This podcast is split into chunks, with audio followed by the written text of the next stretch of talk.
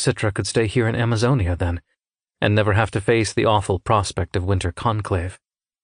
At the last traces of twilight, she heard a sliding glass door whoosh open, and she peered over the rough edge of the driftwood to see him come onto the patio to look out at the approaching storm. He was perfectly silhouetted against the light inside, like a paper target at a shooting range. He couldn't have made it easier for her. She pulled out her pistol. At first, she leveled it right at his heart, force of habit from her training. Then she lowered it to his left knee and fired. Her aim was perfect. He wailed and went down, and Citra raced across the sand, leaped the hedge, and grabbed him by the shirt with both hands as he writhed. You're going to pay for what you've done, she snarled. Then she saw the man's face. Familiar. Too familiar. Her first instinct was to think this was another layer of treachery. It wasn't until he spoke that she had to accept the truth. Citra? Scythe Faraday's face was a mask of pain and disbelief. Citra. God, what are you doing here? She let him go out of shock, and Scythe Faraday's head hit the concrete hard, knocking him out and making the horror of the moment all the worse. She wanted to call for help, but who would help her after what she'd done? She lifted his head again, cradling it gently as the blood from his shattered knee flowed between the patio stones, turning the sand in the cracks to red mortar, drying to brown. Immortality cannot temper the folly or frailty of youth. Innocence is doomed to die a senseless death at our own hands, a casualty of the mistakes we can never undo. So we lay to rest the wide eyed wonder we once thrived upon, replacing it with scars of which we never speak, too knotted for any amount of technology to repair. With each gleaning I commit, with each life taken for the good of humanity I mourn, for the boy I once was, whose name I sometimes struggle to remember, and I long for a place beyond immortality where I can, in some small measure, resurrect the wonder, and be that boy again. From the Gleaning Journal of H.S. Faraday. 33. Both the messenger and the message. Citra carried him inside. She set him on a sofa and made a tourniquet to staunch the blood. He groaned, beginning to rouse, and when he broke the tenuous surface of consciousness, his first thought was of her. You should not be here, he said, his words weak and slurred, an effect of the pain nanites flooding his system. Still, he grimaced in bleary agony. We have to get you to a hospital, she told him. This is too much for your nanites to handle. Nonsense. They've already taken the edge off the pain. As for healing, they'll do the job without intervention. But I have no other option, he told her. Going to a hospital will alert the Scythedom that I'm still alive. He shifted position, grimacing only slightly. Between nature and nanites, my knee will heal. It will just take time, of which I have no shortage. She elevated his leg, bandaged it, then sat on the floor beside him. Were you so resentful of my leaving that you had to exact your revenge in flesh? he asked, only half joking. Are you so offended that I managed a method of secretly retiring instead of actually gleaning myself? I thought you were someone else, she told him. Someone named Gerald Vandergans. My birth name, he told her. A name I surrendered when I became Honorable Scythe Michael Faraday. But none of this explains your presence here. I freed you, Citra. You and Rowan both. By faking my own gleaning, you were both freed from your apprenticeship. You should be back in your old life, forgetting that I had plucked you from it. So why are you here? You mean you don't know? He pulled himself up slightly so he could see her more directly. Don't know what? And so she told him everything. How instead of being freed, she and Rowan had ended up with Scythe's Curie and Goddard. How Xenocrates had tried to pin Faraday's murder on her, and how Scythe Curie had helped her get to him. As she spoke, he put his hands to his eyes as if he might gouge them out. To think I was complacent here while all this was going on. How could you not know? she asked. For in her mind he always seemed to know everything, even the things he could not possibly know. Scythe Faraday sighed. Marie, Scythe Curie, that is, is the only member of the Scythedom who knows I'm still alive. I am completely off grid now. The only way to reach me would be in person, so she sent you. You are both the messenger and the message. The moment became uncomfortable. Thunder rumbled in from the sea, much closer now. The flashes of lightning brighter. Is it true you died seven deaths for her? Citra asked. He nodded. And her for me. She told you that, did she? Well, it was a very long time ago.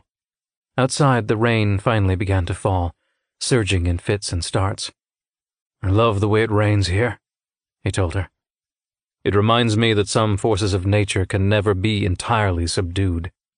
They are eternal, which is a far better thing to be than immortal. And so they sat listening to the soothing randomness of the rain, until Citra began to grow too weary to even think. So what happens now? she asked. Very simple, actually. I heal, and you rest. Anything beyond that is a conversation for a future date. Then he pointed. The bedroom's in there. I expect a full night's sleep from you, followed by a recitation of your poisons in the morning in order of toxicity. My poisons? In spite of his pain and drug induced haze, Scythe Faraday smiled. Yes, your poisons. Are you my apprentice, or not? Citra couldn't help but smile right back at him. Yes, Your Honor. I am. The longer we live, the quicker the days seem to pass. How troublesome that is when we live forever. A year seems to pass in a matter of weeks. Decades fly with no milestones to mark them. We become settled in the inconsequential drudgery of our lives, until suddenly we look at ourselves in the mirror and see a face we barely recognize, begging us to turn a corner and be young again. But are we truly young when we turn the corner? We hold the same memories, the same habits, the same unrealized dreams. Our bodies may be spry and limber, but toward what end? No end. Never an end. I do believe mortals strived more heartily toward their goals because they knew that time was of the essence, but us. We can put things off far more effectively than those doomed to die. Because death has become the exception instead of the rule. The stagnation that I so fervently glean on a daily basis seems an epidemic that only grows.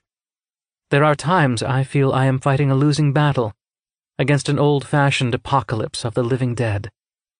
From the Gleaning Journal of H.S. Curie. 34. The second most painful thing you'll ever have to do. Winter sped relentlessly closer. At first, Rowan kept a tally of the lives he temporarily ended, but as the days passed, he found he couldn't keep up. A dozen a day, week to week, month to month.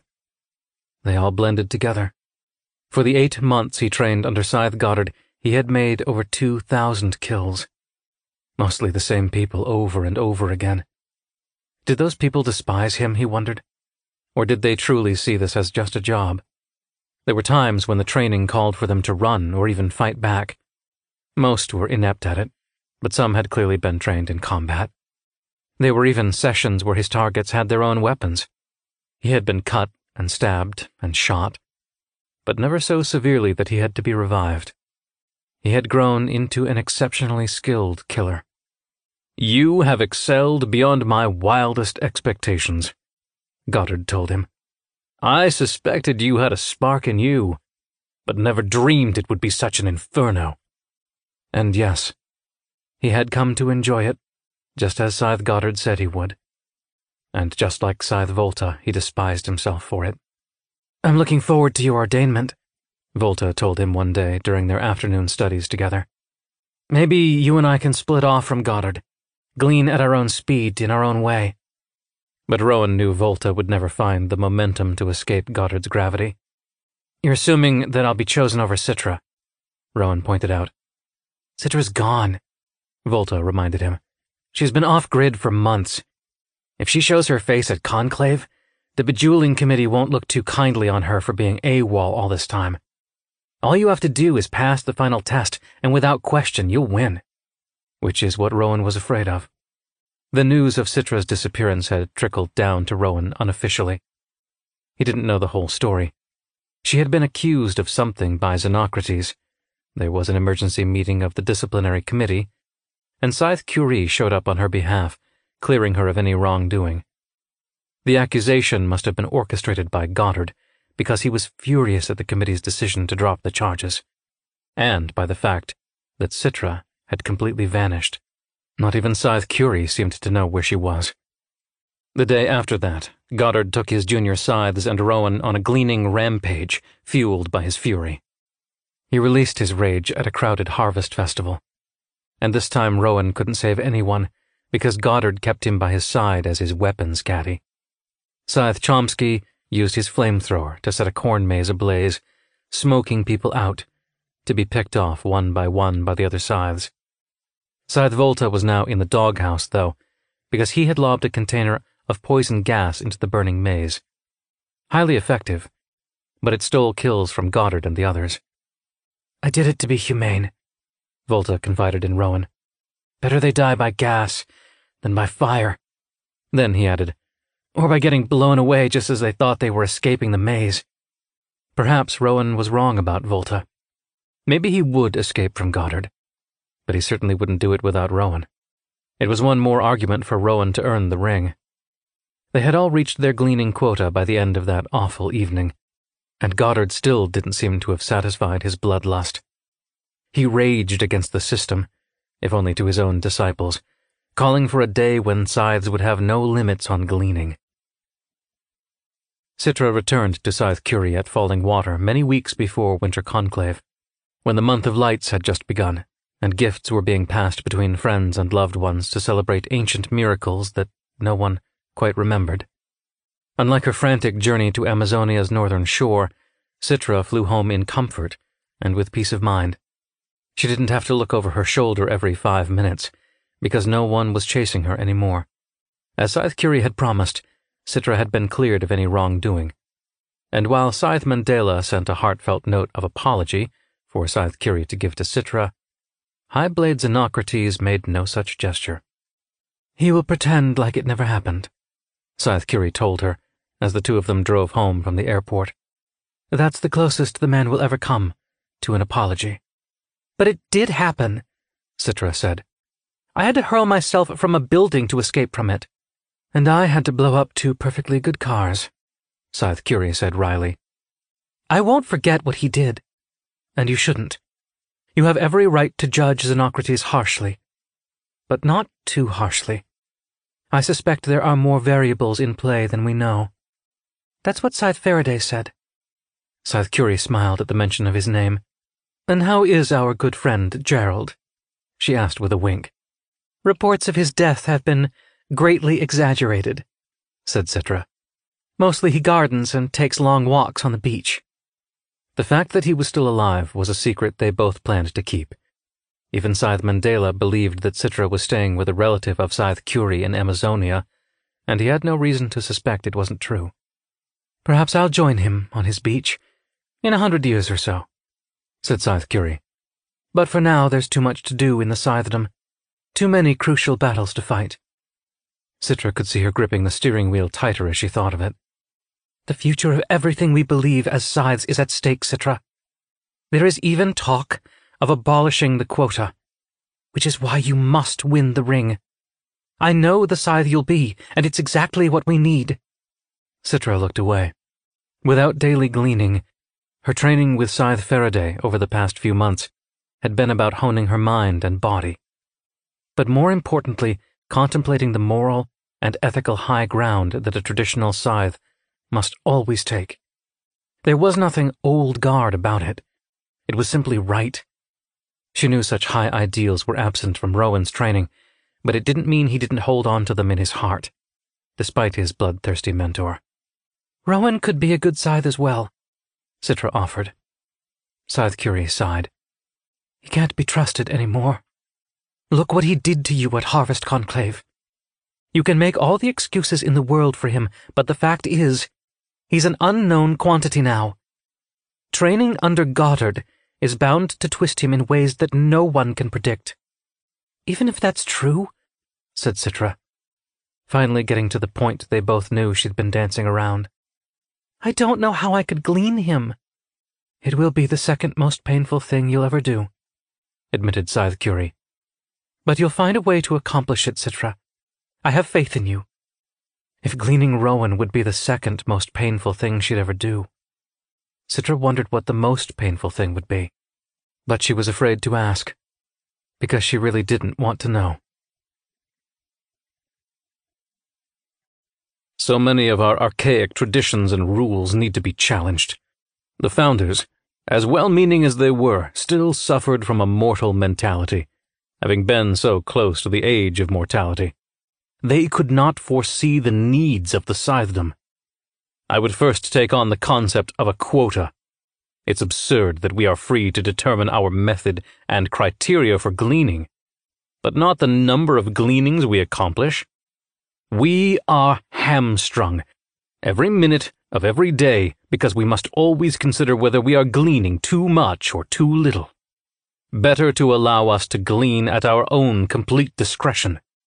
That way, scythes who glean too little will not be punished, because scythes who have a healthier gleaning appetite will make up for their shortcomings. In this way, we can help one another. And isn't helping our fellow scythes a good thing for all of us? From the Gleaning Journal of H.S. Goddard. 35. Obliteration is our hallmark. On the last day of the year, just three days before winter conclave, Scythe Goddard led one more gleaning expedition. But we've already reached our quota for the year, Scythe Volta was quick to remind him. I will not be constrained by a technicality, Goddard shouted. Rowan thought Goddard might actually hit Volta, but then he took a moment to calm himself and said, By the time we begin our gleaning run, it will already be the year of the capybara in Pan-Asia. As far as I am concerned, that gives us permission to count our kills as part of the new year. Then we shall return in time for our New Year's gala. Scythe Goddard decided it was a day for samurai swords, although Chomsky refused to part with his flamethrower. It's what I'm known for. Why mess with my image? Rowan had been on four gleaning expeditions with Goddard so far. He found he could escape to a place within himself where he was less of an accomplice even less than an observer. He became the lettuce again, non-sentient and secondary, easily ignored and forgotten. It was the only way to keep his sanity in the midst of Goddard's blood sport. Sometimes he was so forgotten in the midst of the melee that he could help people escape. Other times he had to be at Goddard's side, loading or switching out his weapons. He didn't know what his role would be this time. If Goddard was just using his samurai blade, he didn't need Rowan to be his weapons caddy. Still, he told Rowan to bring a spare sword. Preparations for the party were already in full swing as they got ready to leave for the gleaning run that morning. The catering truck had arrived, and tables were being set up all over the grounds. The New Year's gala was one of Goddard's few pre planned parties, and the guest list was stellar. The helicopter landed on the front lawn, blowing away a tent that was being erected for the party as if it were nothing more than a napkin tumbled by the wind. Today we shall provide a much needed public service, Goddard told them with far too much glee. Today we dispense with some rabble. But he didn't explain what he meant. Even so, as the helicopter took off, Rowan had a sinking feeling deep in the pit of his stomach that had nothing to do with their ascent. They landed in a public park in the center of a vacant soccer field lightly dusted with snow. There was a playground at the edge of the park where some toddlers, unfazed by the weather, climbed and swung and dug in the sand, bundled up against the cold. The instant their parents saw scythes stepping out of the helicopter, they gathered their children and hurried away, ignoring their children's wails of protest. Our destination is several blocks away, Scythe Goddard told them. I didn't want to set down too close and ruin the element of surprise. Then he put a paternal arm around Rowan's shoulder Today is Rowan's inauguration, he said. You will perform your first gleaning today. Rowan recoiled. What? Me? I can't. I'm just an apprentice. Proxy, my boy!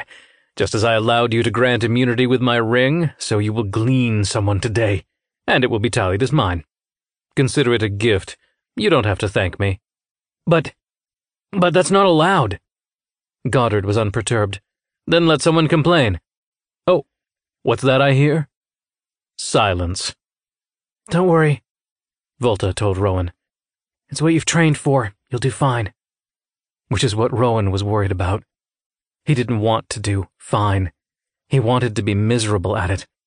He wanted to be a failure, because only by failing would he know that he held on to a shred of his humanity.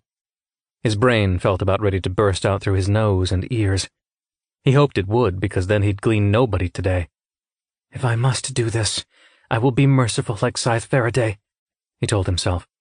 I will not enjoy it. I will not enjoy it. They came around a corner, and Rowan saw their destination. Some sort of compound made to look like an old adobe mission, completely out of place in the cold of MidMerica. The iron symbol atop the tallest steeple was a two-pronged fork. This was a tone cult cloister. Nearly a hundred tonists reside behind those walls, Goddard announced. Our goal is to glean them all. Scythe Rand grinned. Scythe Chomsky checked the settings on his weapon. Only Scythe Volta seemed to have reservations. All of them? Goddard shrugged as if it were nothing, as if all those lives meant nothing. Obliteration is our hallmark, he said. We don't always succeed, but we try. But this. this breaks the second commandment. It clearly shows bias. Come now, Alessandro, Goddard said in his most patronizing tone. Bias against whom? Tonists are not a registered cultural group. Couldn't they be considered a religion? Rowan offered. You gotta be kidding, laughed Scythe Rand. They're a joke. Precisely, agreed Goddard. They've made a mockery of mortal age faith. Religion is a cherished part of history, and they've turned it into a travesty. Glean them all, said Chomsky, powering up his weapon. Goddard and Rand drew their swords. Volta glanced at Rowan and said quietly, The best thing about these gleanings is that it's over quick. Then he drew his sword as well and followed the others through a gated archway that the tonists always left open for lost souls seeking tonal solace. They had no idea what was coming. Word spread quickly on the street that a small elegy of scythes had entered the Tonist cloister. As human nature would have it, rumor quickly raised the number to a dozen scythes or more, and as human nature would also have it, crowds, that were slightly more excited than frightened, gathered across the street, wondering if they would get a glimpse of the scythes, and perhaps even the carnage they left behind. But all they saw for now was a single young man, an apprentice standing at the open gate, his back to the crowd. Rowan was ordered to remain at the gate, sword drawn, to prevent anyone from trying to escape. His plan, of course, was to allow anyone to escape. But when the panicked Tonist saw him, his sword, and his apprentice armband, they ran back into the compound, where they became prey for the scythes. He stood there for five minutes. Then finally he left his spot at the gate losing himself in the maze like compound. Only then did people begin to slip out to safety. The sounds of anguish were almost impossible to endure. Knowing he'd be expected to glean someone before this was through made it impossible for him to disappear into himself this time. The place was a labyrinth of courtyards and walkways and illogical structures. He had no idea where he was. A building was burning to his left, and one walkway was littered with the dead, marking the passage of one of the scythes. A woman huddled, partially hidden by a winter bare shrub, cradling a baby, trying desperately to keep it quiet. She panicked when she saw Rowan and screamed, holding her baby closer. I'm not going to hurt you, he told her. No one's guarding the main gate. If you hurry, you'll make it out. Go now! She didn't waste any time. She took off. Rowan could only hope she didn't run into a scythe on the way. Then he came around a corner and saw another figure huddled against a column, chest heaving in sobs. But it wasn't one of the Tonists, it was Scythe Volta.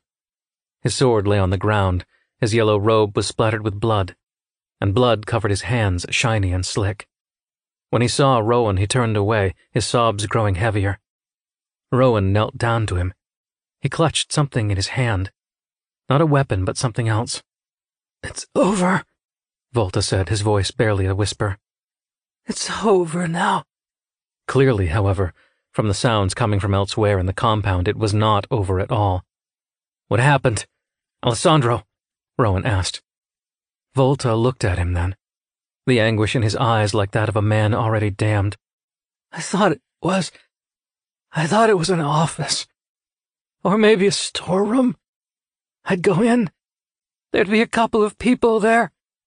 I'd glean them as painlessly as I could and move on. That's what I thought. But it wasn't an office. Or a storeroom. It was a classroom. He broke down in sobs again as he spoke. There had to be at least a dozen kids in there. Cowering. They were cowering from me, Rowan. But there was this one boy. He stepped forward. His teacher tried to stop him, but he stepped forward. He wasn't afraid, and he held up one of their stupid tuning forks. He held it up like it would ward me off. You won't hurt us, he said. Then he struck it against a desk to make it ring and held it up to me. By the power of the tone, you won't hurt us, he said. And he believed it, Rowan. He believed in its power. He believed it would protect him. What did you do?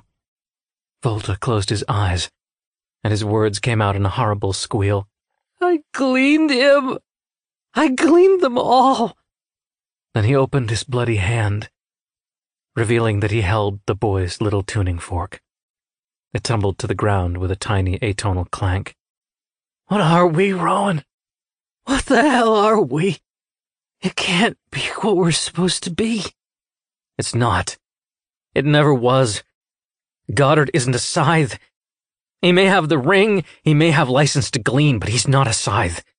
He's a killer, and he has to be stopped. We can find a way to stop him, both of us. Volta shook his head and looked at the blood pooling in his palms. It's over, he said again, and then took a deep, shuddering breath and became very, very calm. It's over. And I'm glad. That's when Rowan realized that the blood on Volta's hands was not from his victims. It was from Volta's own wrists. The gashes were jagged and long. They were made with very clear intent. Alessandro, no! You don't have to do this. We have to call an ambudrome. It's not too late. But they both knew that it was. Self-gleaning is every scythe's last prerogative. You can't rob that from me, Rowan. Don't even try. His blood was everywhere now, staining the snow of the courtyard. Rowan wailed. Never had he felt so helpless. I'm sorry, Alessandro. I'm so sorry. My real name is Sean Dobson. Will you call me that, Rowan? Will you call me by my real name? Rowan could barely speak through his own tears. It's. It's been an honor to know you. Sean Dobson. He leaned on Rowan, barely able to hold up his head, his voice getting weaker. Promise me you'll be a better scythe than I was. I promise, Sean. And then, maybe, maybe. But whatever he was going to say, it leaked away with the last of his life. His head came to rest on Rowan's shoulder, while all around them distant cries of agony filled the icy air. Each day, I pray as my ancestors did. They once prayed to gods that were fallible and fickle, then to one God who stood in harsh and terrifying judgment, then to a loving, forgiving God, and then finally to a power with no name. But to whom can the immortal pray? I have no answer to that, but still I cast my voice out into the void, hoping to reach something beyond distance, and deeper than the depths of my own soul. I ask for guidance, and for courage. And I beg, oh, how I beg, that I never become so desensitized to the death I must deliver, that it feels normal, commonplace. My greatest wish for humanity is not for peace, or comfort, or joy. It is that we all still die a little inside every time we witness the death of another. For only the pain of empathy will keep us human. There's no version of God that can help us if we ever lose that. From the Gleaning Journal of H.S. Faraday. 36. The Thirteenth Kill. Goddard was in the chapel sanctuary, finishing the last of his terrible business. Outside, the wails began to fade as Rand and Chomsky finished what they had begun. A building was burning across the courtyard. Smoke and cold air poured in through the broken stained glass windows of the chapel. Goddard stood at the front, by an altar that featured a shining, two pronged fork and a stone bowl of dirty water. There was only one Tonist left alive in the chapel. He was a balding man, wearing a frock that was slightly different from the dead around him. Goddard held him with one hand and wielded his sword in the other. Then Goddard turned to see Rowan and smiled. Ah, Rowan, just in time, he said cheerily. I've saved the curate for you. The Tonist curate showed defiance rather than fear. What you've done here today will only help our cause, he said. Martyrs testify far more effectively than the living. Martyrs to what? Goddard sneered and tapped his blade against the huge tuning fork. To this thing. I'd laugh if I wasn't so disgusted. Rowan strode closer, ignoring the carnage around him, focusing in on Goddard. Let him go, Rowan said. Why, do you prefer a moving target? I prefer no target. Finally, Goddard understood. He grinned, as if Rowan had just said something charming and quaint. Does our young man express a wee bit of disapproval? Volta's dead, Rowan told him. Goddard's gleeful expression faded, but only a bit. He was attacked by the Tonists? They'll pay dearly for it. It wasn't them. Rowan didn't even try to hide the animosity in his voice. He gleaned himself. This gave Goddard pause. The curate struggled in his grip, and Goddard slammed him against the stone basin hard enough to knock him out then let the man fall to the ground. Volta was the weakest of us, Goddard said. I'm not entirely surprised. Once you're ordained, I will happily have you take his place. I won't do that. Goddard took a moment to gauge Rowan, to read him. It felt like a violation. Goddard was in his head, even deeper in his soul, and Rowan didn't know how to cast him out. I know you and Alessandro were close. But he was nothing like you, Rowan, believe me. He never had the hunger.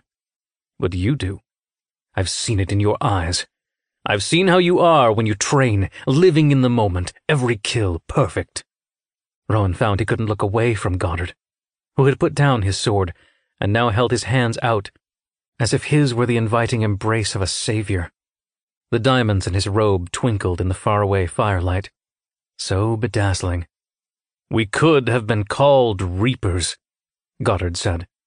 But our founders saw fit to call us scythes, because we are the weapons in mankind's immortal hand. You are a fine weapon, Rowan, sharp and precise. And when you strike, you are glorious to behold. Stop it! That's not true. You know it is. You were born for this, Rowan. Don't throw it away. The curate began to groan, beginning to regain consciousness. Goddard hauled him to his feet. Glean him, Rowan. Don't fight it. Glean him now and enjoy it. Rowan tightened the grip on his blade as he looked into the curate's bleary, half-conscious eyes. Even as he tried to stand his ground, Rowan couldn't deny the power of the undertow. You're a monster, he shouted. The worst kind, because you don't just kill, you turn others into killers like yourself. You just lack perspective.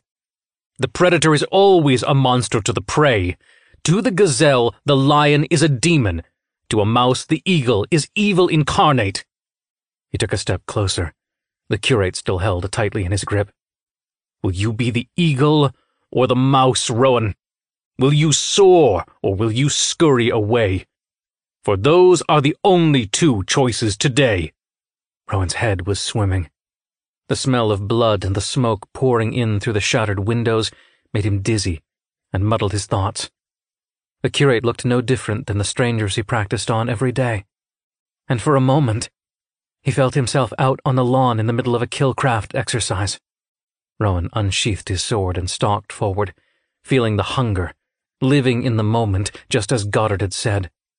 And allowing himself to feel that hunger was freeing in a way Rowan couldn't describe. For many months he had trained for this and now he finally understood why Goddard always let the last one go before Rowan could strike, stopping him, one blow short of completion. It was to prepare him for today. Today he would finally have that completion, and every day henceforth when he went out to glean, he would not stay his hand or his blade or his bullet until there was no one left to glean. Before he could think it through, before his mind could tell him to stop, he launched himself toward the curate and thrust his blade forward with all of his force, finally achieving that exquisite completion. The man gasped and stumbled aside, the blade having missed him completely. Instead, Rowan's blade hit its true mark and ran Scythe Goddard through all the way to the hilt. Rowan was close to Goddard now, inches from his face, looking into his wide, shocked eyes. I am what you made me, he told Goddard. And you're right. I enjoyed that. I enjoyed that more than anything I've ever done in my life. Then with his free hand, Rowan reached down and yanked the ring off Goddard's finger. You don't deserve to wear this. You never did. Goddard opened his mouth to speak, perhaps to deliver an eloquent death soliloquy.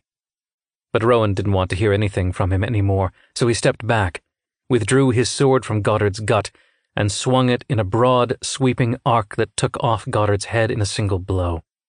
It tumbled, and landed in the basin of dirty water, as if that were what the basin was there for.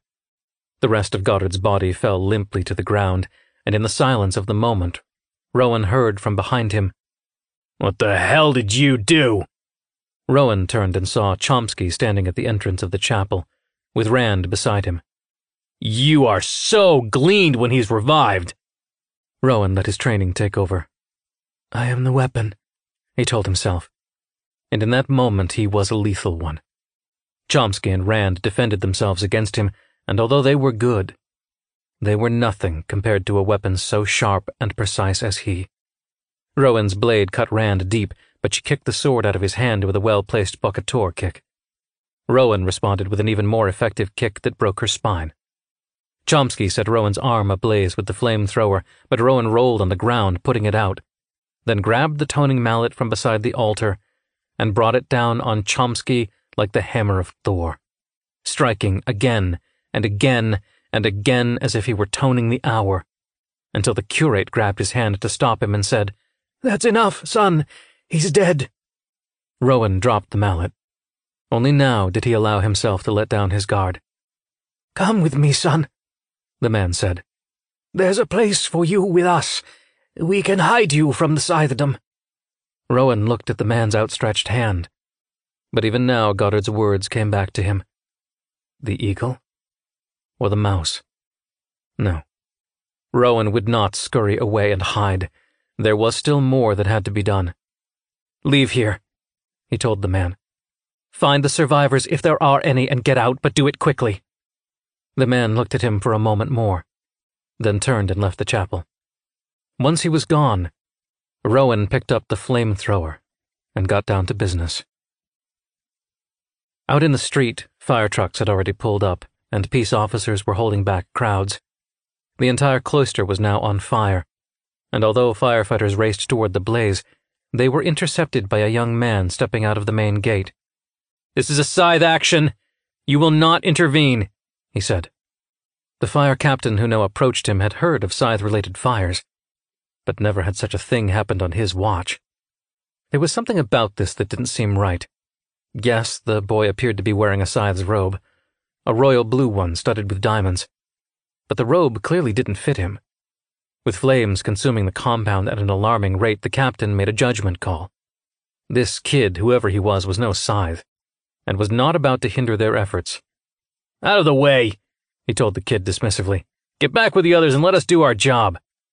Then the kid moved with lightning speed. The captain felt his legs kicked out from under him. He landed on his back, and suddenly the kid was on top of him, a knee painfully pressed into the captain's chest, and a hand around his throat, squeezing so tightly it almost closed off his windpipe. Suddenly the boy didn't seem a boy at all. He seemed a whole lot bigger, a whole lot older. I said this is a scythe action and you will not intervene or I will glean you right here, right now. The fire captain now knew he had made a grievous mistake.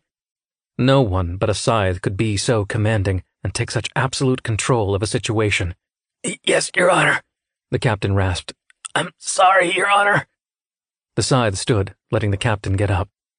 He told his squad to fall back, and the squad, having seen the scythe take their captain down so effectively, didn't question it. You can protect other buildings that are threatened, the young scythe said. But you'll let this entire compound burn to the ground. I, I understand, Your Honor. Then the scythe held up his ring, and the captain kissed it with such force he cracked a tooth.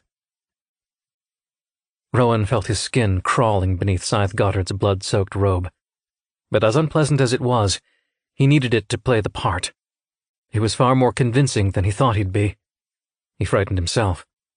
The firefighters now directed all their attention to adjacent buildings, hosing down nearby roofs with fire retardant. Rowan found himself standing alone between the burning Tonist cloister and the crowds still held back by peace officers.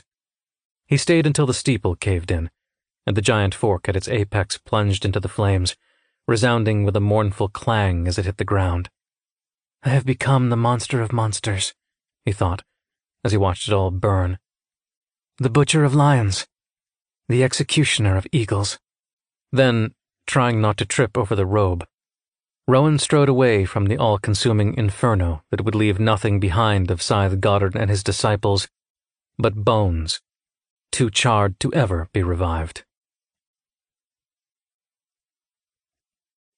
Part 5 Scythehood Scythes Rand and Chomsky have these morbid conversations. They're twisted, and the first to admit it, but I guess that's part of their charm. Today they were talking about the method they might use to self-glean one day. Noam said he would climb to the top of an active volcano and, surrounded by grand ceremony, hurl himself into the lava. Ayn said she would scuba dive the Great Barrier Reef until she either ran out of air or got eaten by a great white. They wanted me to join in their game and tell them how I'd want to go. Call me boring, but I didn't want to play. Why talk about self-gleaning when it should be the furthest thing from our minds? It's our job to end other people's lives, not our own. And I intend to be doing it well into my thousands. From the Gleaning Journal of H.S. Volta. 37. Shaking the Tree. A tragedy. A terrible tragedy.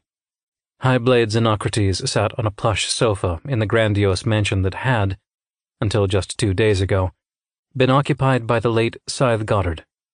Now he faced the apprentice, who seemed much too calm for a young man who had just been through such an ordeal. Rest assured that the use of fire by any MidMerican scythe will be banned in conclave tomorrow, he said. That's definitely long overdue, Rowan told him, speaking not like an apprentice but more like an equal, which irritated the High Blade. Xenocrates took a good look at Rowan. You were very lucky to get out of there alive. Rowan looked him square in the eye. I was stationed by the outer gate, he said. By the time I saw that the fire had gotten out of control, there was nothing I could do.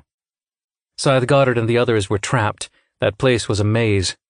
They never stood a chance. Then Rowan paused.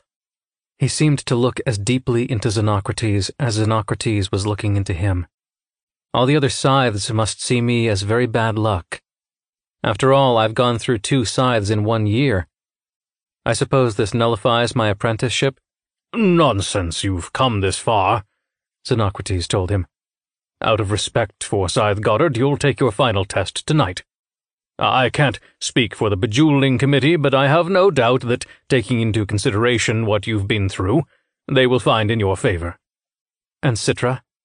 If you receive the ring, I trust you'll glean Miss Terranova, and thus put an end to this unpleasant chapter of our history. A servant arrived, with champagne and finger sandwiches. Xenocrates looked around. The mansion, which had been so full of servants in days past, now seemed to have only this one. The others must have fled the moment they heard that Scythe Goddard and his associates had succumbed to fire. Apparently, Xenocrates wasn't the only one who felt freed by Goddard's untimely end. Why are you still here when the others have all left? he asked the servant. It certainly couldn't be out of loyalty. It was Rowan who answered him. Actually, this estate belongs to him. Yes, said the man. But I'll be putting it up for sale. My family and I couldn't imagine living here any more. He put a champagne flute into Xenocrates' hand. But I'm always happy to serve a high blade. Apparently the man had gone from servant to sycophant. Not a very far leap. Once he had left the room, Xenocrates got down to the real reason he had come. To shake the tree, and see what, if anything, would fall out. He leaned a little closer to Rowan. There are rumors that a scythe, or at least someone who looked like a scythe, came out to address the firefighters. Rowan didn't even blink. I heard that too. There are even some phone videos that people uploaded. Very blurry from all the smoke, can't see much of anything. Yes. It just adds to the general confusion, I suppose. Will there be much more, Your Excellency? Because I'm pretty exhausted, and if I'm going to face my final test tonight, I'll need to rest up for it. You do know that not everyone in the Scythedom is convinced that it was an accident. We've had to begin an investigation, just to be sure. Makes sense said Rowan. So far, we were able to identify Scythe Volta and Scythe Chomsky by their rings and the gems from their robes, which were around their remains. Rubies for Chomsky, citrines for Volta. As for Scythe Rand, we're fairly certain she's in the debris beneath the huge tuning fork that had fallen through the chapel roof. Makes sense, Rowan said again. But if, if finding Scythe Goddard has proven to be a challenge, of course, there were so many Tonists gleaned in the chapel before the fire got out of control. It's quite an ordeal trying to come up with a positive identification. One would assume that, like the others, Scythe Goddard's remains would be surrounded by small diamonds, and the larger jewel of his scythe's ring, even if the setting melted. Makes sense, Rowan said for the third time. What doesn't make sense is that the skeleton we think is his doesn't have any of those things, said Xenocrates. And it also has no skull. That's weird, said Rowan. Well, I'm sure it must be there somewhere. One would think. Maybe they need to look a little harder. Just then, Xenocrates noticed the girl standing at the threshold of the room, lingering there, not sure whether to enter or walk away. Xenocrates couldn't be sure how much she had heard, or even if it mattered. Esme, said Rowan. Come in. You remember His Excellency, High Blade Xenocrates, don't you? Yeah, she said. He jumped in the pool. It was funny. Xenocrates shifted uncomfortably at the mention of the ordeal. It was not something he cared to remember. I've made arrangements for Esme to be returned to her mother, Rowan said. But maybe you'd like to take her there yourself. Me? said Xenocrates, feigning indifference. Why would I want to? Because you care about people, Rowan said with a well-timed wink. Some more than others. As the High Blade regarded the daughter that he could never publicly, or even privately acknowledge, he melted just the tiniest bit. The boy had planned this, hadn't he? This Rowan Damisch was a sly one. An admirable trait when properly directed Perhaps Rowan warranted more attention than the High Blade had given him in the past. Esme waited to see what would happen, and Xenocrates finally offered her a warm smile. It would be my pleasure to take you home, Esme. With that, Xenocrates rose to leave, but he couldn't go just yet. There was still one more thing he had to do. One more decision that was in his power to make. He turned back to Rowan. Mm, perhaps I should use my influence to call off the investigation, he said. Out of respect for our fallen comrades. Let their memory be untainted by clumsy forensics that might cast aspersions on their legacy. Let the dead be the dead, agreed Rowan. And so an unspoken agreement was reached. The high blade would cease shaking the tree, and Rowan would keep the high blade's secret safe. If you need a place to stay once leaving here, Rowan, please know that my door is always open for you. Thank you, Your Excellency. No. Thank you, Rowan. Then the high blade took Esme's hand and left to return her home. The power of life and death cannot be handed out blithely, but only with stoic and weighty reserve. Ascension to scythehood should by no means be easy. We who have established the scythedom have faced our own struggles in the process, and we must ensure that all those who join us in our mission face a trial that is not only instructive but transformative. Scythehood is humanity's highest calling, and to achieve it should cut one's soul to the very core, so that no scythe will ever forget the cost of the ring they bear. Of course, to those on the outside, our rite of passage might seem unthinkably cruel, which is why it must forever remain a secret sacrament. From the Gleaning Journal of H.S. Prometheus, the first World Supreme Blade. 38. The Final Test. On January 2nd, year of the Capybara, the day before Winter Conclave, Scythe Curie took Citra on a long drive to the MidMerica Capitol building. Your final test will be tonight, but you won't know the results until tomorrow's conclave, she told Citra. But Citra already knew that. It's the same test year to year for every apprentice, and each apprentice must take the test alone. That was something Citra didn't know. It only made sense that the final test would be some sort of standard that all candidates had to pass. But somehow the thought of having to face that test alone, and not in the company of the others, was troubling. Because now it wouldn't be a competition with Rowan and the others. She'd be competing against no one but herself. You should tell me what the test is. I can't, said Scythe Curie. You mean you won't? Scythe Curie thought about that. You're right, I won't. If I may speak frankly, Your Honor, when have you ever not spoken frankly, Citra? Citra cleared her throat and tried to be her most persuasive self. You play too fair, and it puts me at a disadvantage. You wouldn't want me to suffer just because you're too honorable, would you? In our line of work, we must hold on to every bit of honor we have. I'm sure other scythes tell their apprentices what the final test is. Perhaps, said Scythe Curie. But then again, perhaps not. There are some traditions not even the unscrupulous among us would dare break. Citra crossed her arms and said nothing more. She knew she was pouting. She knew it was childish, but she didn't care. You trust Scythe Faraday, do you not? asked Scythe Curie. I do. Have you come to trust me at least as much? I have. Then trust me now, and let the question go. I have faith in your ability to shine in the final test without knowing what the test is. Yes, Your Honor. They arrived at eight that evening and were told that, by the luck of the draw, Citra was to be tested last. Rowan and the two other candidates for scythedom were to go first.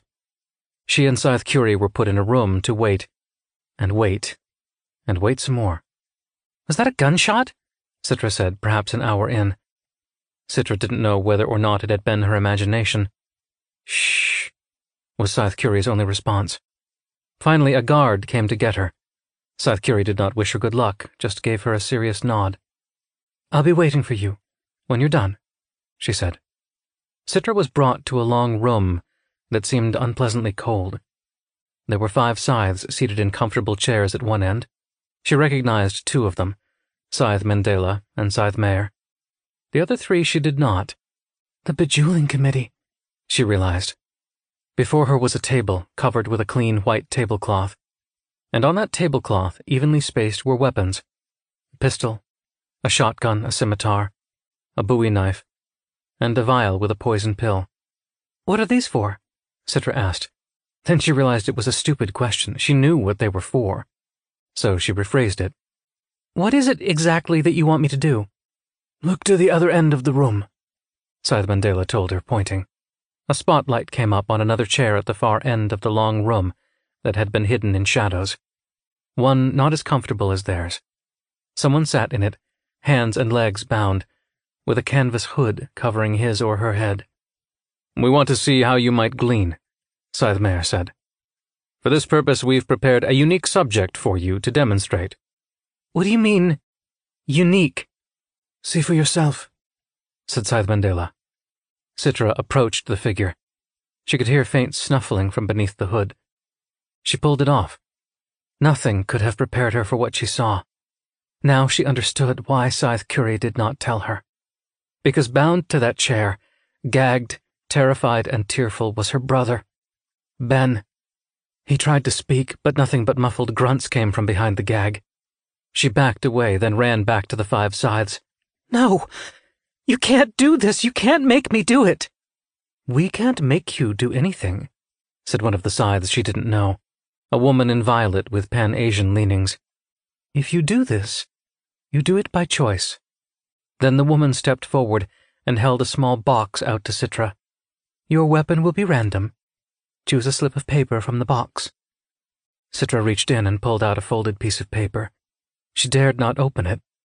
She turned to look at her brother sitting so helpless in the chair. How can you do this to people? She screamed. My dear, said Scythe Meir with practiced patience, it's not a gleaning. Because you are not a scythe. You merely have to render him deadish. An ambudrone will take him to be revived as soon as you complete the task we've put before you. But he'll remember. Yes, said Scythe Mandela. And so will you. One of the other scythes she did not know crossed his arms and huffed, much the way she had done on the drive here. She's too resistant, he said. Let her go, this night's already gone on too long. Give her time, said Scythe Mandela sternly. The fifth scythe, a short man with an odd frown about him, stood and read from a sheet of parchment that could have been hundreds of years old. You may not be coerced into doing this. You may take all the time you need. You must use the weapon assigned. When you are done, you will leave the subject and approach the committee to be assessed on your performance. Is all of this clear to you? Citra nodded. A verbal response, please. Yes, it's clear. He sat back down, and she unfolded the slip of paper. On it was a single word knife. She dropped the paper to the floor. I can't do this, she told herself. I can't. But Scythe Curie's voice came gently to her. Yes, Citra. You can. It was then it occurred to her that every scythe, since the scythedom began, had to take this test. Every single one of them was forced to take the life of someone they loved. Yes, that person would be revived, but it didn't change the cold blooded act. A person's subconscious mind can't differentiate between permanent and temporary killings. Even after he's revived, how could she bear to face her brother again? Because if she kills Ben, she will always have killed him. Why? she asked. Why must I do this? The irritable scythe gestured to the door. There's the exit. If it's too much for you, then leave. I think she means it as a legitimate question, said Scythe Meir. The irritable scythe scoffed. The short one shrugged. The Pan Asian one tapped her foot, and Scythe Mandela leaned forward. You must do this so that you can move forward as a scythe, Scythe Mandela said. Knowing in your heart that the most difficult thing you'll ever have to do has already been done. If you can do this, added Scythe Meir, then you have the inner strength needed to be a scythe. Even though a big part of Citra wanted to bolt through the door and run from this, she squared her shoulders, stood tall, reached down and took the bowie knife. Concealing it in her waist, she approached her brother. Only when she was close to him did she pull it out. Don't be afraid, she said. She knelt down and used the knife to cut the bonds on his legs, then the ones that held his wrists to the chair. She tried to untie his gag, but couldn't, so she cut that as well. Can I go home now? asked Ben with a helpless voice that was more than enough to break her heart. Not yet, she told him, still kneeling beside him. Soon, though. Are you going to hurt me, Citra? Citra couldn't control her tears and didn't even try. What was the point? Yes, Ben. I'm sorry. Are you going to glean me? He could barely get the words out. No, she told him. They'll take you to a revival center. You'll be good as new. You promise? I promise. He seemed the tiniest bit relieved. She didn't explain to him why she had to do this, and he didn't ask. He trusted her. Trusted that whatever reason she had, it was a good one. Will it hurt? He asked. Again, she found she couldn't lie to him about it. Yes, it will. But not for long.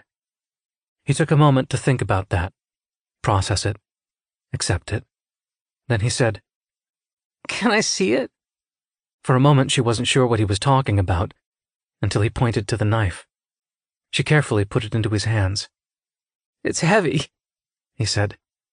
Did you know that Texan scythes only glean with bowie knives? Is that where you'll be going when you're a scythe? Texas? No, Ben. I'll be right here. He turned the knife in his hand, both of them watching as light glinted off the shiny blade. Then he gave it back to her. I'm so scared, Citra, he said, his voice barely a whisper. I know. So am I. Scared is okay. Will I get ice cream? he asked. I hear they give you ice cream at revival centers. Citra nodded and wiped a tear from his cheek. Close your eyes, Ben. Think of the ice cream you want. Then tell me. Ben did as he was told. I want a hot fudge sundae. Three scoops, with chocolate chip. Before he could finish, she pulled him close and thrust the blade, just as she had seen Scythe Curie do it. She wanted to wail in agony, but wouldn't let herself. Ben opened his eyes. He looked at her, and in a second it was done. Ben was gone. Citra hurled the blade away and cradled her brother, then laid him gently on the floor. From a door behind them that she hadn't even seen, two revival medics hurried in, put her deadish brother on a gurney, and went out the way they came. Lights came up on the scythes. They seemed so much farther away than before. It seemed like an impossibly long walk to cross the room back to them, and they began a bruising barrage of comments. Sloppy. Not at all. There's barely any blood. She put the weapon in his hand. Do you know how risky that was? And all that unnecessary banter. She was preparing him, making sure he was ready. Why should that matter? She showed courage, but more importantly, she was compassionate. Isn't that what we're called upon to be? We're called upon to be efficient. Efficiency must be in service to compassion. That's a matter of opinion. Then the scythes fell silent, apparently agreeing to disagree. She suspected that Scythes Mandela and Meir were on her side, and that the irritable one was not. As for the other two, she had no idea where they stood. Thank you, Miss Terranova, said Scythe Meir. You may go now. The results will be announced at Conclave tomorrow. Scythe Curie was waiting for her in the hall. Citra found herself furious at the woman. You should have told me! It would only have made it worse. And if they sensed that you knew before you went in that room, you would have been disqualified. She looked at Citra's hands. Come. You need to wash up. There's a bathroom just this way. How did it go with the other candidates? Citra asked. From what I heard, one young woman flatly refused and left the room. One boy began, but broke down and couldn't complete what he started. What about Rowan? Citra asked. Scythe Curie wouldn't look at her. He drew the pistol as his weapon. And? Still, Scythe Curie hesitated. Tell me! He pulled the trigger even before they finished reading him the instructions. Citra grimaced at the thought.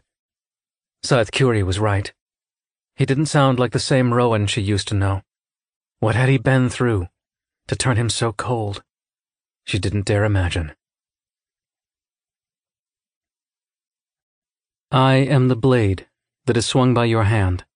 Slicing a rainbow's arc, I am the clapper. But you are the bell, tolling the gathering dark. If you are the singer, then I am the song. A threnody, requiem, dirge. You've made me the answer for all the world's need, humanity's undying urge. Threnody, from the collected works of H.S. Socrates. 39. Winter Conclave.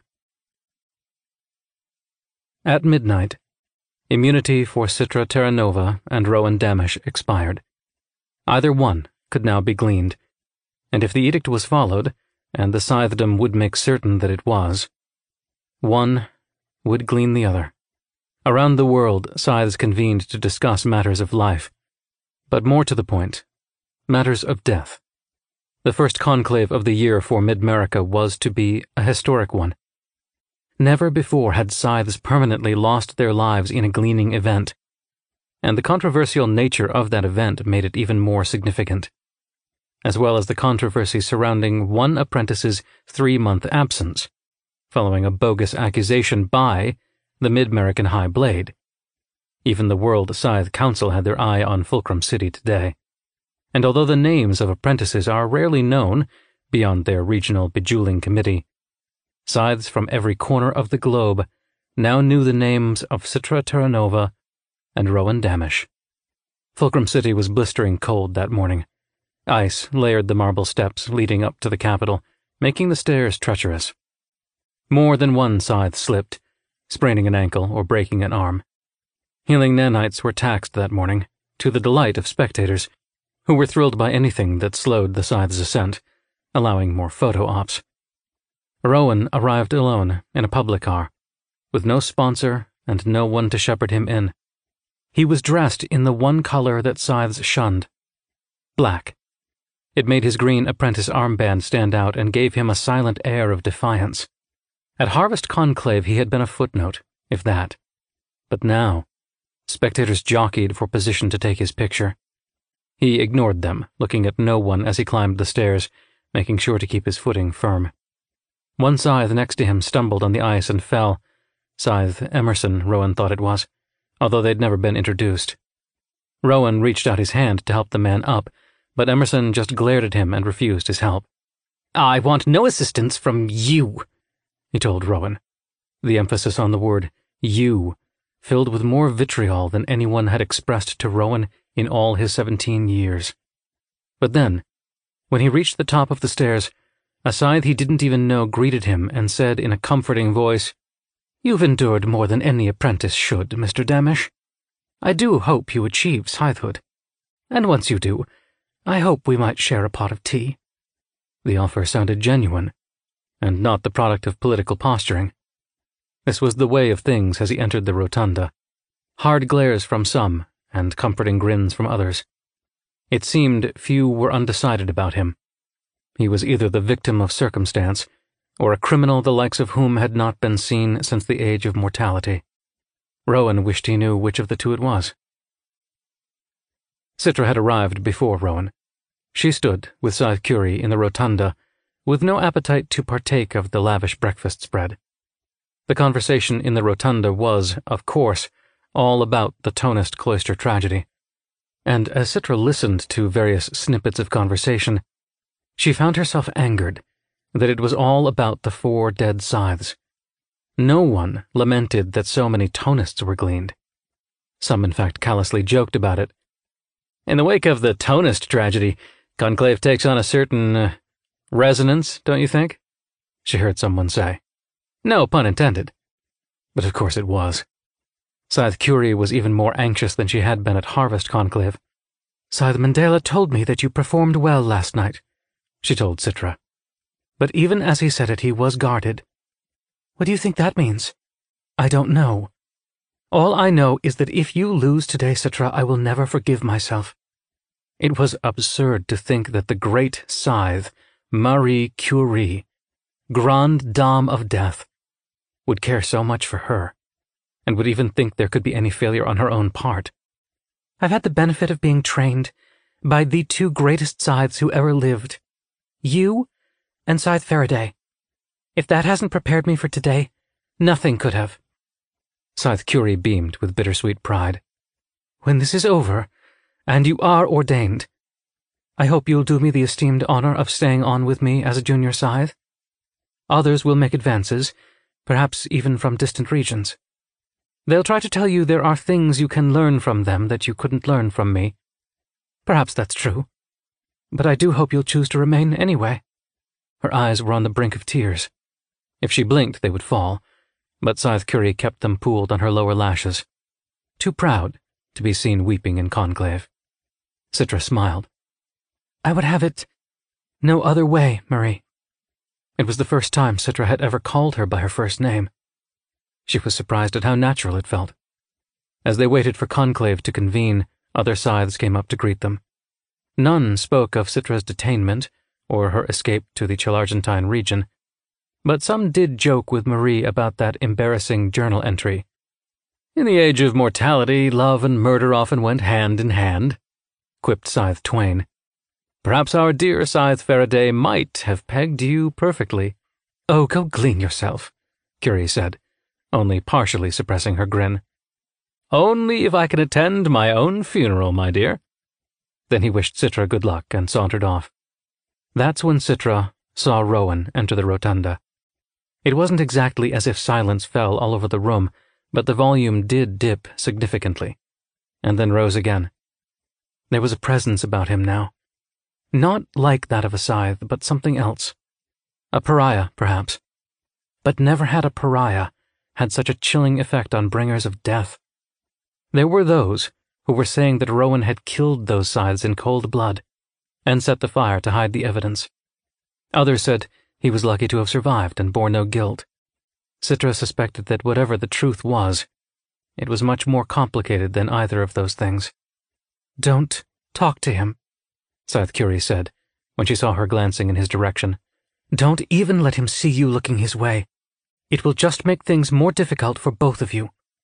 I know, Citra admitted, although she secretly hoped he would be brash enough to push through the crowd and come to her, and maybe say something, anything, that would prove to her he wasn't the unthinkable criminal people were saying he was. If she was chosen today, Citra would not defy the edict to glean Rowan. But she did have a plan that might save both of them. It was far from foolproof, and to be brutally honest with herself, it was more like a desperate grasping at straws than a plan. But even the faintest glimmer of hope was better than no hope at all. If she was deluding herself, at least it would allow her to get through this awful day. Rowan had played this day over in his mind many times, from beginning to end. He had decided that he would not go up to Citra when he saw her. He did not need an adviser to tell him it was better this way. Let them stay separate and apart until that miserable moment of truth that would keep them apart forever. If she won, Rowan was certain she would glean him. She was duty bound to do it. It would tear her apart, but in the end she would do what had to be done. He wondered how she might go about it. Perhaps she would break his neck, bringing everything full circle, and wrapping up their doomed twin apprenticeship with a nice red bow. Admittedly, Rowan was afraid to die, but what he feared more than death were the depths that he now knew he was capable of reaching. The ease with which he had rendered his mother deadish during his test the night before spoke volumes about the person he'd become. He'd rather be gleaned than be that person. Of course, it was possible he'd be chosen instead of Citra. Then things would get interesting. He decided he wouldn't glean himself. That would be too pointless and pathetic a gesture. If he was ordained, he would defy the edict, invoking the tenth commandment, which clearly said he was beholden to no laws beyond the ten, including any edicts levied by the Scythedom. He would refuse to glean Citra, and defend her life by taking out any scythes who tried to do it for him, with bullet, blade, and his own bare hands. He would turn Conclave into a brutal and bloody battleground until they took him down, which wouldn't be easy considering how skilled he'd become at killcraft, and how motivated he was to wreak as much havoc as possible. And the irony of it was that they couldn't even glean him for it. Once he was ordained, their hands were tied by the seventh commandment. They could punish him, though. They could make him die a thousand deaths, and then lock him away for eternity. And it would truly be eternity, because he would never give them the satisfaction of gleaning himself. Another reason why he would rather be gleaned by Citra. A single death at her capable hands sounded awfully good when compared with the alternative. The breakfast spread in the rotunda was an elaborate one. slabs of real smoked salmon, hard crusted artisan breads, and a waffle station with every conceivable topping. Only the best for the MidMerican scythes. Rowan ate with rare gluttony that morning, for once allowing himself to fully sate his appetite, and as he ate, he stole a few glances at Citra. Even now she looked radiant to him. How ridiculous that he'd still be romanticizing her in these final hours. What could have once been love was now the resignation of a heart long broken. Luckily for Rowan, his heart had grown so cold, its fracturing could not hurt him any more. Once conclave convened, Citra found herself tuning out most of the morning's ritual, choosing to fill her mind with memories of the life she was about to leave. Because in one way or another she would be leaving it. She focused on thoughts of her parents, and her brother, who was still in a revival center. If she was ordained today, the home where she grew up would never be home again. Her biggest consolation would be that Ben and her parents would have immunity from gleaning for as long as Citra lived. After the tolling of the names and the ritual washing, the entire morning was dedicated to a heated debate about whether or not fire should be banned as a method of gleaning. Usually, High Blade Xenocrates did nothing but mediate and postpone discussions for a later date. The fact that he was advocating for the ban was something everyone in attendance took seriously. Even so, there were strong voices against it. I will not have my rights to bear arms trampled upon, railed one disgruntled scythe. Every one of us should have the freedom to use flamethrowers, explosives, and any other incendiary device. It was met with both boos and applause. We need this ban to protect us from tragic accidents in the future, insisted Xenocrates. It was no accident, someone shouted, and almost half the room voiced their bitter agreement. Citra looked to Rowan, who sat with two empty chairs on either side of him, for they were still earmarked for the dead. He made no move to defend himself or to deny the claim. Scythe Curie leaned closer to Citra. As terrible as that fire was, there are plenty of scythes happy to see Goddard and his disciples permanently removed from duty. Although they'd never admit it, they're glad the fire happened, whether it was an accident or not. And there are a lot of others who admired Goddard, Citra pointed out. Indeed. The Scythedom seems evenly split on that matter. Regardless, common sense finally prevailed, and fire was banned in MidMerica as a method of gleaning. At lunch, Citra, who still found she couldn't eat, watched from a distance as Rowan stuffed himself just as he had at breakfast, as if he had no care in the world. He knows it's his last meal. A scythe she didn't know suggested. Although the woman was clearly showing her support for Citra, Citra found herself annoyed. I can't see how it's any of your business. The scythe walked away, confused by Citra's hostility.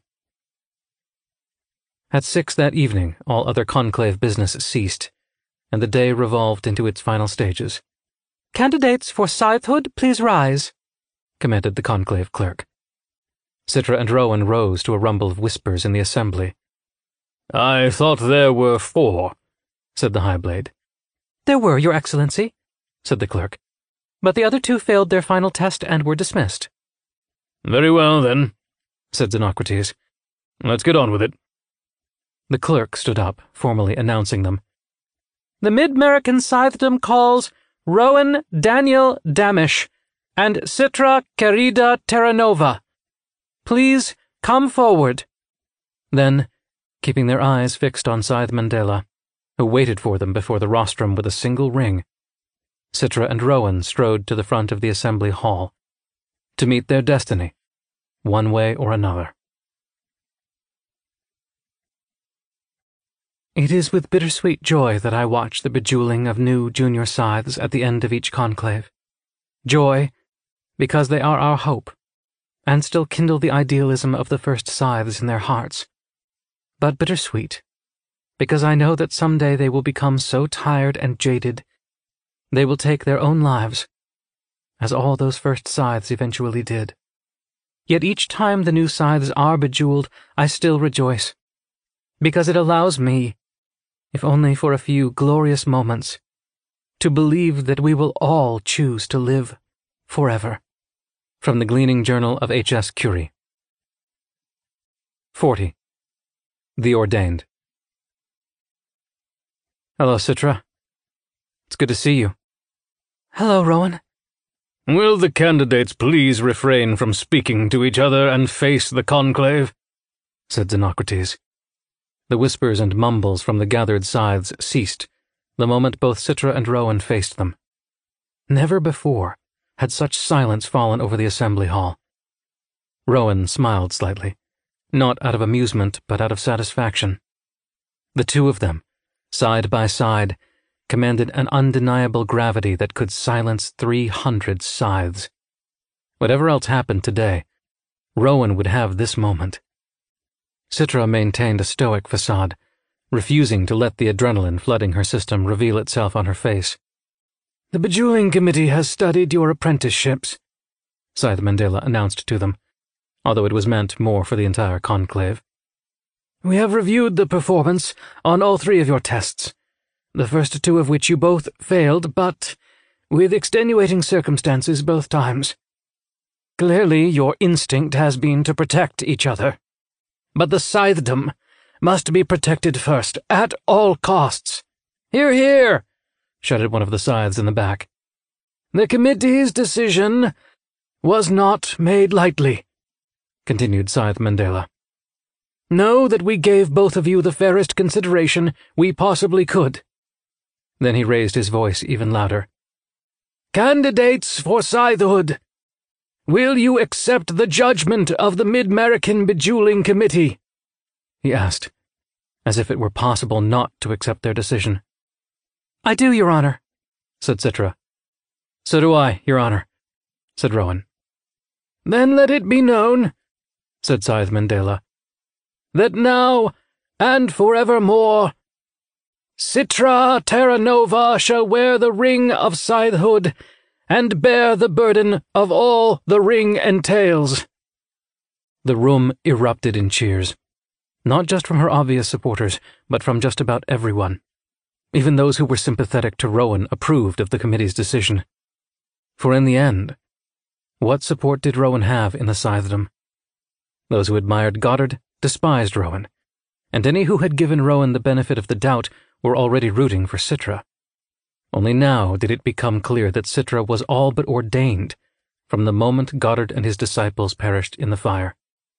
Congratulations, Citra, said Rowan, beneath the roaring approval of the crowd. I knew you would do it. She found she couldn't even respond to him, couldn't even look at him. Scythe Mandela turned to her. Have you chosen your patron historic? I have, Your Honor. Then take this ring I hold out to you. Put it on your finger and announce to the MidMerican Scythedom and to the world who you now are. Citra took the ring her hand shaking so much she almost dropped it. She slipped it on her finger. A perfect fit. It was heavy on her finger, and the gold of the setting was cold, but was quickly warmed by her body heat. She held her hand up as she had seen other ordained candidates do. I choose to be known as Scythe Anastasia, she told them, after the youngest member of the family, Romanov. The gathered scythes turned to one another, discussing her choice among themselves. Miss Terranova, said Highblade Xenocrates, clearly not pleased. I can't say that this is an appropriate choice. The Tsars of Russia were known more for their excess than their contribution to civilization, and Anastasia Romanov did nothing of note in her short life. Exactly why I chose her, Your Excellency, Citra said, holding eye contact with him. She was the product of a corrupt system, and because of that, was denied her very life, as I almost was. Xenocrates bristled the slightest bit. Citra went on. Had she lived, who knows what she might have done? Perhaps she could have changed the world and redeemed her family name. I choose to be Scythe Anastasia. I vow to become the change that might have been. The high blade held her gaze, and held his silence. Then one scythe rose and began applauding. Scythe Curie. Then another joined her, and another. And soon the entire scythedom was on their feet, in an ovation, for the newly ordained Scythe Anastasia. Rowan knew they had made the right decision, and when he heard Citra defend her choice for patron historic, he admired her more than he ever had. Were he not already standing, he would have risen to his feet in ovation as well. Then, as the accolades died down and the scythes were seated, Scythe Mandela turned to Citra. You know what you have to do. I do, Your Honor. What method do you choose? Blade, she said. So many of my trials seem to be by blade, this one should be no different. And of course, a tray of knives was ready, just out of sight. It was now brought in by a junior scythe who had just been ordained at Harvest Conclave. Rowan watched Citra closely, but she would not meet his gaze. She looked over the tray of knives, finally settling on a nasty looking bowie knife. I used one of these to kill my brother yesterday, Citra said.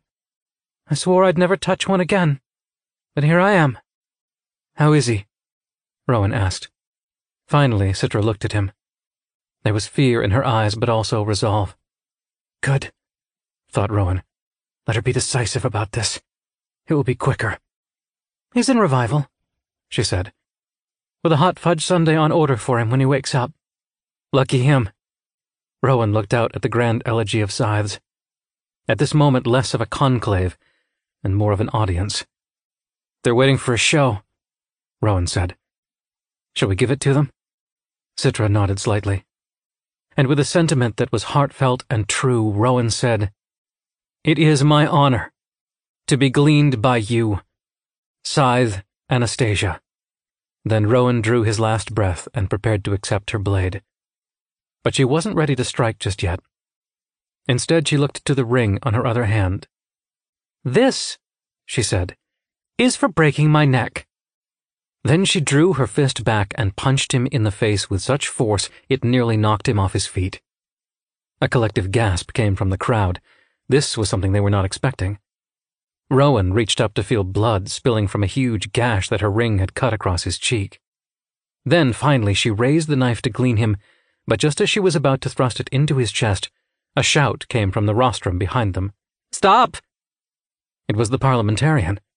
He held up his own ring. It was glowing red. So was Citra's. And as Rowan looked around, he could see that every scythe's ring within ten yards was emanating the same glow. He can't be gleaned, the parliamentarian said. He has immunity.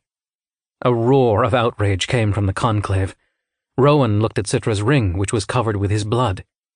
It had transmitted his DNA to the immunity database even more effectively than if he had kissed it. He smiled at her in awe and absolute amazement. You're a genius, Citra. You know that, don't you? It's Honorable Scythe Anastasia to you, she said.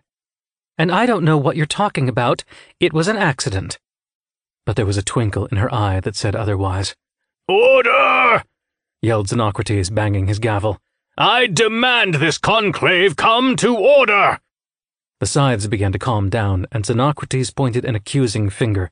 Sit, uh, that is, Scythe Anastasia. You have blatantly violated a scythedom edict. I have not, Your Excellency. I was fully prepared to glean him. It was your own parliamentarian who stopped me. It never occurred to me that hitting Rowan would grant him immunity. Xenocrates looked at her in utter disbelief and then suddenly released a guffaw that he tried to stifle but couldn't. Sly and artful, he said, with just enough plausible deniability. You'll do very well among us, Scythe Anastasia. Then he turned to the parliamentarian and asked what options they now had. I suggest imprisonment for a year, until his immunity runs out. Is there still such a place where a person could be officially imprisoned? asked one of the other scythes. Then scythes around the assembly hall began to shout out their suggestions, some even offering to take Rowan in under house arrest, which could be good or bad, depending on their motive. As it began to devolve into a debate over Rowan's immediate future, Citra leaned into him and whispered, There's a tray of knives next to you, and a car waiting for you at the east exit. Then she leaned away, leaving his future firmly in his own hands. He thought he could not be more impressed by her. She had just proved him wrong. I love you, he said.